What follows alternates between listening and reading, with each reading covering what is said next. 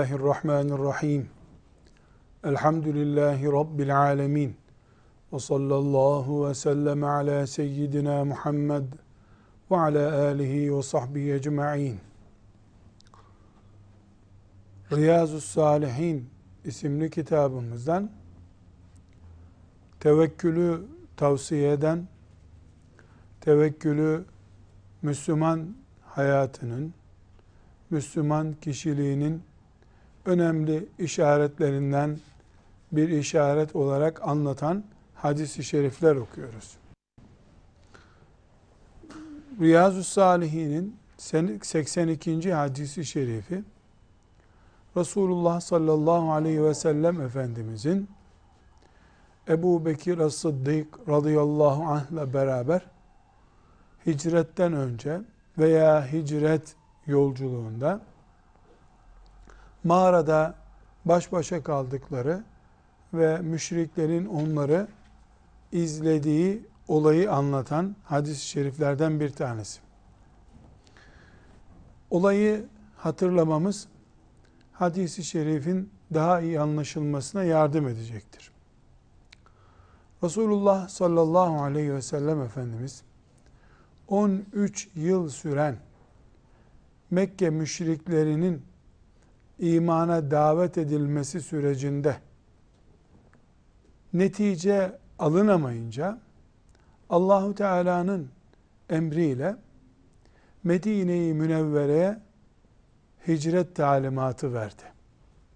Ashab-ı kiram Resulullah sallallahu aleyhi ve sellem Efendimizin emirleriyle birer ikişer nasıl becerebildilerse nasıl güçleri yettiyse o şekilde Medine-i Münevvere'ye hicret ettiler. En son kalanlar arasında da Resulullah sallallahu aleyhi ve sellem Efendimiz Ebu Bekir, Ali radıyallahu anhuma gibi kişiler vardı ki onlar da kalabalığı oluşturmuyorlardı. Hicret küçük bir not olarak zihnimizde muhakkak bulunmalıdır. Bir kaçış hareketi değildir.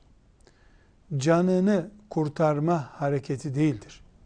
Hicret, imanı yeşertme hareketidir. Resulullah sallallahu aleyhi ve sellem Efendimiz canını kurtarma derdinde olsaydı Ebu Bekir radıyallahu anh canını kurtarma derdinde olsaydı hicretten daha kolayı vardı. Mekkeli müşriklerle ters düşmeyecek tavırlar sergilerler. İmanlarını evlerindeki kapalı odalarına gömerlerdi. Böyle yapmadılar. Hicret ettiler. Çünkü imanlarını yeşertmek, yaymak, Allah'a bütün insanlığın davet edildiğine dair büyük bir hüccet, belge bırakıp gitmek istiyorlardı. Şimdi bu anlamdaki hicreti yapmak üzere Resulullah sallallahu aleyhi ve sellem Efendimiz bütün tedbirleri alarak ki bu tedbirlerin başında hicretini gizli yapması geliyor. Bütün tedbirlerini alarak yanına da en vefalı, en yakın dostu olan, en eski dostu olan Ebu Bekir radıyallahu anh'ı alarak Medine yoluna düştüler. Ve hicret edeceği sonradan muhakkak öğrenileceğinden tedbir olarak da direkt Medine yoluna girmediler. Medine'ye ters bir istikamette bir dağdaki mağaraya sığındılar. Müşrikler e, sabah olunca Resulullah sallallahu aleyhi ve sellem Efendimizin evinde olmadığını anladılar. E, hicret etmesini de istemiyorlardı. Çünkü gittiği yerden bir gün fethetmek için Mekke'ye tekrar döneceğini onlar iyi biliyorlardı. Batılın korkusu çok. Her zaman ödlek batıl. Batıl yasal bir duruşla durmadığı için Adem Aleyhisselam'dan beri hep korsan yürüdüğü için insan bazında hep kaçak işler, yasak işlerle meşgul olduğu için batıl hep bir gün yıkılma tehlikesi yaşar. Onun için batılın hüküm sürdüğü yerde yasaklar çoktur. Kendileri de yasakçıdırlar. Yasaklarını da şiddetle korurlar. Resulullah sallallahu aleyhi ve sellem Efendimizin hicret etmesini istemediler. Medine'de güçlenip geri gelmesinden korktukları için. Bu nedenle Efendimiz sallallahu aleyhi ve sellem gidiyoruz. Bunlar da bayram edecekler. Oh kurtulduk diye bir tavır sergilemeyeceklerini çok iyi biliyordu. Çünkü zaten hicret edenin hicret etmesine yani Efendimiz sallallahu aleyhi ve sellem'den önceki hicret eden ashab-ı kiramın hicretine de izin vermediler. Taktik olarak da e, onlar Medine'ye gidileceğini müşrikler biliyorlardı. Resulullah sallallahu aleyhi ve sellem Medine'ye doğru değil, ters bir istikamete doğru saklandı, gittiler. Bir gün, iki gün, üçüncü gün saklandılar.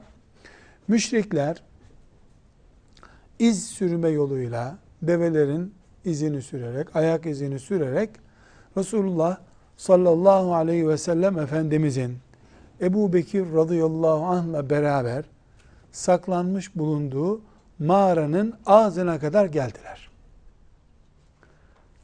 O kadar e, yaklaştılar ki bir tanesi kayaların altına eğilip bakacak olsa Resulullah sallallahu aleyhi ve sellem Efendimiz'i ve biricik arkadaşını orada yakalayacaklardı.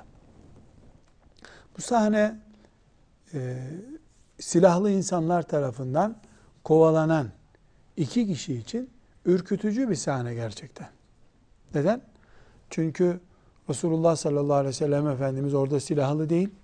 Zaten evinden e, ve bulunduğu yerden yani rahat zemininden ayrılmış. Çok rahat bir yerde değiller. Her halükarda öbürleri kalabalıklar. Şimdi e, Ebu Bekir radıyallahu an Efendimiz sallallahu aleyhi ve sellemi de daha çok merak ederek aman ona bir şey olur, bir şey yapar müşrikler endişesiyle ürktü bir miktar. Ürktüğünü Resulullah sallallahu aleyhi ve sellem Efendimiz'e de hissettirdi.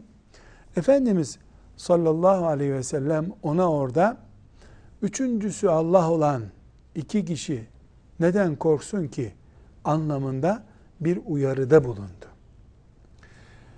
Şimdi buradan bize çıkarılacak bir ders var.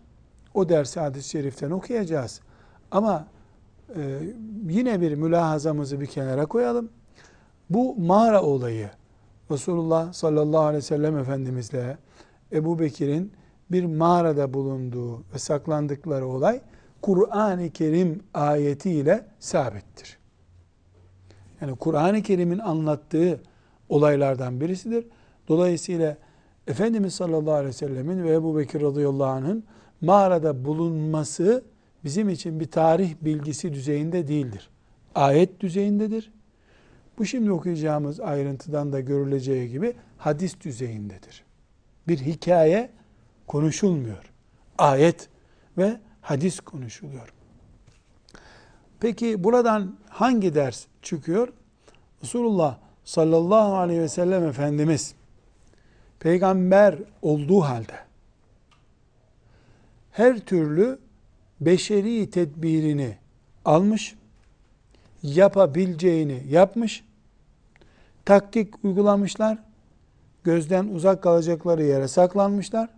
Buna rağmen müşrikler becerip, iz sürerek, tahminde bulunarak gelip onları bulmuşlar. Bir metre kalmış veya kalmamış, bir adım daha atsalar, Resulullah sallallahu aleyhi ve sellem Efendimizin yanında olacaklar. O şekilde yaklaşmışlar. Bu esnada Efendimiz sallallahu aleyhi ve sellem biricik arkadaşı, yol arkadaşı Ebu Bekir radıyallahu anh'ı ne ile teselli ediyor? Allah'a tevekkül etmekle teselli ediyor. Ama bu tevekkül hicrete teşebbüs edilmiş, gece çıkılmış, zaman kullanmış, taktik olarak yön değişikliği yapılmış, kullanılmış, mağaraya gizlenilmiş. Bu kadar güzel tedbirler, yeterli tedbirler alındıktan sonra öbür taraf daha güçlü çıkmış ve iz sürüp gelip ağza, mağaranın ağzına kadar dayanmışlar. Bu noktada yapılacak hiçbir şey yok. Sadece Allah'a tevekkül etmek gerekiyor. Ama bu tevekkül Peygamber sallallahu aleyhi ve sellem ve biricik sahabisi Ebu Bekir'in yapabileceklerini yaptıktan sonraki tevekküldür. İşte tevekkül de budur. Bunu Efendimiz sallallahu aleyhi ve sellem orada Ebu Bekir radıyallahu anh'a ders olarak söylemiş, ikaz etmiştir. Biz de hicrette olmasa da başka işlerde de olsa Allah'a tevekkülün örneği olarak bu hadisi şerifi zihnimizde canlı tutmamız gerekiyor. Ancak tekrar vurgulamakta fayda var. Resulullah sallallahu aleyhi ve sellem Efendimizin yapayalnız kalmış bir insan olarak yapabileceği başka bir şey yoktu. Sadece tevekkül edebilirdi. O tevekkülün hakkını da aynen gerektiği gibi verdi. Rabbine tevekkül etti. Sonuçta nitekim onun tahmin ettiği gibi, beklediği gibi oldu. Müşrikler ayak dibine baksalar görecekleri kadar yakın bir mesafeye geldikleri halde göremediler. O anda dalgınlıklarına geldi. Hani anlatırlar işte güvercin geldi yuva yaptı, örümcek yuva yaptı filan. Onlar ayetle, hadisle sabit şeyler değil. Yani Allahu Teala e, on binlerce örümceğe orada yuva yaptırabilir. On binlerce güvercine de o an yumurta yaptırabilir. Ee, yavrusunu bekleyebilir güvercinler. Kaplanlarla da bekletebilir Allahu Teala mağaranın kapısını ama bunların olup olmamasından ziyade yani güvercinin gelip orada e, örümceğin kenarında e, yumurtalamasından daha önemlisi Resulullah sallallahu aleyhi ve sellem Efendimizin e, Allah'a itimadı, Rabbim beni yalnız bırakmaz düşüncesi, Ebu Bekir radıyallahu anh'ın da o kendisine güven, Allah'a itimat et sözüne güvenip orada bizi yakaladılar diye ahva etmeyişidir. Bunlar yani oradaki tevekkül mefhumu, tevekkül anlayışı örümceğin orada ağ yapmasından veya işte yılanların gelip orada böyle müşriklere saldırmasından bu tip bu tip sahnelerden çok daha önemli.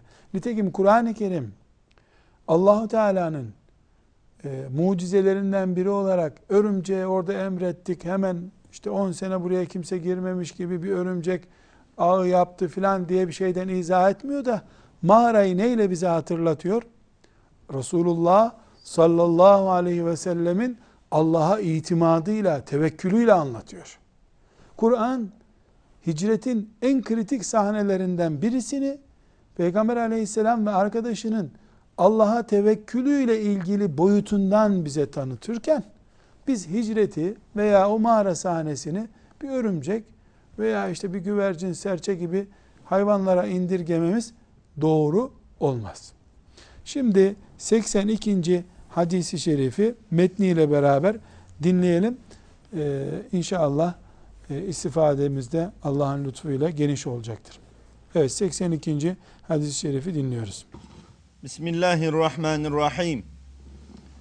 An Ebi Bekir Sıddık radıyallahu anh قال نظرت إلى أقدام المشركين ونحن في الغار وهم على رؤوسنا. فقلت يا رسول الله لو أن أحدهم نظر تحت قدميه لأبصرنا. فقال ما ظنك يا أبا بكر باثنين الله ثالثهما. متفق عليه. صدق رسول الله صلى الله عليه وسلم. أبو بكر الصديق رضي الله عنه شوية demiştir Hicret yolculuğunda biz Resulullah sallallahu aleyhi ve sellem ile mağaradayken tepemizde dolaşıp duran müşriklerin ayaklarını gördüm ve ey Allah'ın elçisi eğer şunlardan biri eğilip aşağıya bakacak olsa mutlaka bizi görür dedim. Resulullah sallallahu aleyhi ve sellem şöyle buyurdu. Üçüncüleri Allah olan iki kişiyi sen ne zannediyor ve haklarında neler düşünüyorsun? Ebu Bekir. Muttefakun aleyh. Ebu Bekir radıyallahu anha söylenen söz, kıyamete kadar iman eden bütün müminlere söylenmiş sözdür. Ne buyurdu?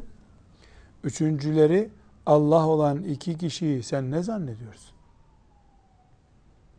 Bir insan Allah'ın beraberliğini, Allahu Teala'nın onu koruduğunu, Allahu Teala'nın himayesinde olduğunu hissediyorsa o Müslümanın kalbi rahattır. Elbette kış ise kış şartlarına göre giyindikten ve kış şartlarına göre ısınma tedbiri aldıktan sonra kalbi rahattır. Elbette mümin tembelliğini, gevşekliğini, laubaliliğini Allah'a dayanmayla kılıflandıramaz. Allah'a dayanmak kulluk düzeyindeki görev ve sorumlulukların hakkını verdikten sonradır. Bunu yapmayan müminin herhangi bir şekilde Allahu Teala'ya tevekkül ettiğini, Allah'a dayandığını söylemesi samimiyetle bağdaşmaz. Samimi bir mümin böyle yapmaz. Çünkü Allahu Teala emretmiş. Emrettiği için o her türlü tedbiri almıştır. Ondan sonra insan olarak üzerine düşeni yaptığı için Rabbine tevekkül eder. Rabbi de ona yeter. Meselenin özeti budur. Bizim Allah'a tevekkül edişimiz sadece ahiret hayatımızla ilgili değildir. Hani işte Allah bizim günahlarımızı affeder, bizi muhakkak cennete koyar. Böyle bir tevekkül kastedilmiyor. Tevekkül özellikle özellikle dünya hayatımızla ilgilidir. Nitekim şimdi okuyacağımız 83. hadisi şerifinde Riyazu Salihinde göreceğiz ki Efendimiz sallallahu aleyhi ve sellem evden çıkarken yani bulunduğu evinden çıkarken yapmış olduğu duada Allah'a tevekkül ettiğini buyurmuştur. Bu ne anlama geliyor? Evden çıkmak demek bir daha gelinceye kadar evin Allah'a ısmarlanmış olması demektir. Mümin evindeki ailesi, malı ve diğer e, evinde korunması gereken özel durumlarına karşı her türlü tedbirini alır. Camını penceresini sağlam yapar. Kapısına sağlam kilit vurur. Ama her şeye rağmen huzur içinde olması, yüzde yüz teminat altında olması anlamına gelmez bu. İşte o zaman kapısı sağlam kilitlenmiş, pencereleri sağlam kapatılmış, içinde yangına müsait malzeme bırakılmamış bir evi kilitleyip çıkan bir mümin, Bismillah, Rabbim sana tevekkül ettim, bu evi sana emanet ettim, gidiyorum diyebilir. Her türlü tedbirini alan, aracının bakımını yapan ve uygun şartlarda yolculuğa çıkan bir mümin yola çıkarken Rabbim sana tevekkül edip bu yola çıkıyorum diyebilir. Ama penceresi açık, kapısı açık bir evden Allah'a tevekkül edip de komşuya gidilirse o tevekkül Allahu Teala'nın bizden yapmamızı istediği tevekkül değildir. Kapısı kilitlenmiş. O yörenin şartlarına göre kilitlenmiş. Pencereleri kapatılmış. Gaz, elektrik, su tedbiri alınmış bir evi kapatıp giden bir mümin Allah'a tevekkül edip gittiğini söyleyebilir, söylemelidir. Bunu söylemek bir nasip ve haz meselesidir zaten. Bir mutluluk türüdür. Ben Rabbime güvenip, Rabbime tevekkül edip evimi bıraktım gittim der mümin. Bununla da başını dik tutar. Bu onun için büyük bir mutluluk kaynağıdır. Allahu Teala'ya tevekkül ederek, onun korumasına güvenerek evini bırakıp gitmiş olması. Şimdi Efendimiz sallallahu aleyhi ve sellemin e, evden çıkarken e, veya işte başka bir yerden çıkarken okunmuş olduğu dualardan bir duayı görüyoruz. Dua ile beraber aynı zamanda e, tevekkülün de bu duanın içerisinde nereye oturduğunu vurgulamaya çalıştık. Şimdi e, dua kulağımızda iz yapsın diye Hafız kardeşimizden duanın Arapça metnini sonra da Türkçesini dinleyelim. Buyur. Bismillahirrahmanirrahim. عن أم المؤمنين أم سلمة رضي الله عنها أن النبي صلى الله عليه وسلم كان إذا خرج من بيته قال بسم الله توكلت على الله اللهم إني أعوذ بك أن أضل أو أضل أو أزل أو أزل أو أظلم أو أظلم أو أجهل أو يجهل علي. أبو داود. Sadaka Resulullah sallallahu aleyhi ve sellem. Evet hadis-i şerifin tercümesini de dinleyelim. Ümmü Seleme radıyallahu anhadan rivayet edildiğine göre Nebi sallallahu aleyhi ve sellem evinden çıkacağı zaman şöyle dua ederdi. Allah'ın adıyla çıkıyorum, Allah'a güveniyorum.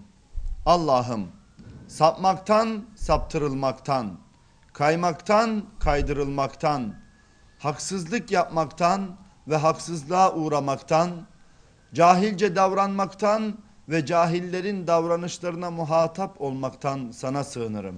Sadaka Resulullah sallallahu aleyhi ve sellem. Şimdi biz tabi hadisi şerifi e, tevekkül açısından yani evden çıkarken Allah'a tevekkül edişini Resulullah sallallahu aleyhi ve sellemin örneklendirerek ele aldık ama ortada bir gerçek daha var. Şimdi bu hadisi şerifte Efendimiz sallallahu aleyhi ve sellem o kadar hassas şeylerden, hassas tehlikelerden Allah'a sığınıyor ki yani biz bazen onları aklımıza bile getirmiyoruz. Mesela bir insan e, evinden çıktıktan sonra hemen durdurulup senin evinde hangi tehlikeler olabilir? Senin için ne tip tehlikeler beklenebilir diye sorulacak olsa vereceği cevap çok önemli. Yani evdeki yangından hırsızlık hemen akla gelen hırsızlık tabi. Ve benzeri şeylerden işte musluk açık kaldı, gaz açık kaldı gibi e, çok daha böyle göze çarpar şeyleri biz tehlike olarak gündeme getiriyoruz. Fakat hadisi şerif e, dikkat edilirse e, sapmak ve saptırılmak insanın kendisi sapıyor veya birisinin tuzağına düşüyor, saptırılıyor. Kaymak ve kaydırılmak, haksızlık yapmak, haksızlığa uğratmak, uğratmak. Yani zulmetmek veya zulüm görmek. Cahillik yapmak, cahillerle yüzleşmek. Bu tehlikelerden Allah'a sığınıyor. Bunlara karşı evinden çıkarken Resulullah sallallahu aleyhi ve sellem Efendimiz kendisini Allah'a ısmarlıyor. Bunlarda dikkat edersek evdeki tehlikeden çok evinden çıkmış insanın karşılaşabileceği tehlikeler dikkat çekiyor. Bunun için e, biz bu hadisi şerif sebebiyle de bir gerçeği daha e, vurgulama ihtiyacı hissediyoruz. Müminin evi güvence merkezidir. Mümin evinden çıkıp sokağa açıldığında güven dairesinin dışına taşmaktadır. Yani tehlike evlerin dışındadır. Müminin evi namazlı, ibadetli, abdestli, sofrası, besmelesi olduğu için melekli bir evdir zaten. Bunu nerede görüyoruz? Efendimiz sallallahu aleyhi ve sellem evinize girdiğinizde selam veriniz diye tembih ediyor. Evde kimse yoksa yine selam veriyoruz. Neden? Müminin evi boş olmaz ki. Elbette puthane gibi resim deposuna dönerse orada belki melek olmaz ama normalde müminin evi melekli evdir. Mushaflı evdir. Abdest lavabası bulunan bir evdir. Seccadeli evdir. Müminin evinin o köşesinde bu köşesinde melek doludur. Dolayısıyla ev halkı evde yokken bile kapıyı açıp içeri girdiğinde selamu aleyküm deme zevki hisseder mümin. Melekler var. Evimizi bekleyen meleklerimiz var. Yani müminin evi güvence merkezidir. Mümin evinde daha güvenlidir. Bunun için akşam ezanı saatinde çocukların evden dışarı çıkıp oynamalarına izin verilmemesi tavsiye edilmekte, emredilmektedir. Neden? Çünkü dışarısı hiçbir zaman evin taşıdığı güveni taşımaz. Muhakkak mümin evinde daha güven ve daha huzur içerisindedir. Öyle olması gerekir. Evlerimiz tabi kavga gürültü merkezine döndüyse, şu evden çıkıp biraz parkta dolaşayım diyorsak, o bizim oluşturduğumuz ev stilinin sorunudur. Şu ashab-ı kiramın kerpiçten yaptıkları ve üstünü de hurma lifleriyle kapattıkları, yağmur yağınca içi yağmur dolan evleri daha huzurluydu. Onların tabak takımları yoktu.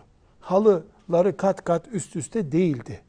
Doğru dürüst pencereleri de yoktu evlerinin. Kapılarında kilitler de, yale kilitler de yoktu.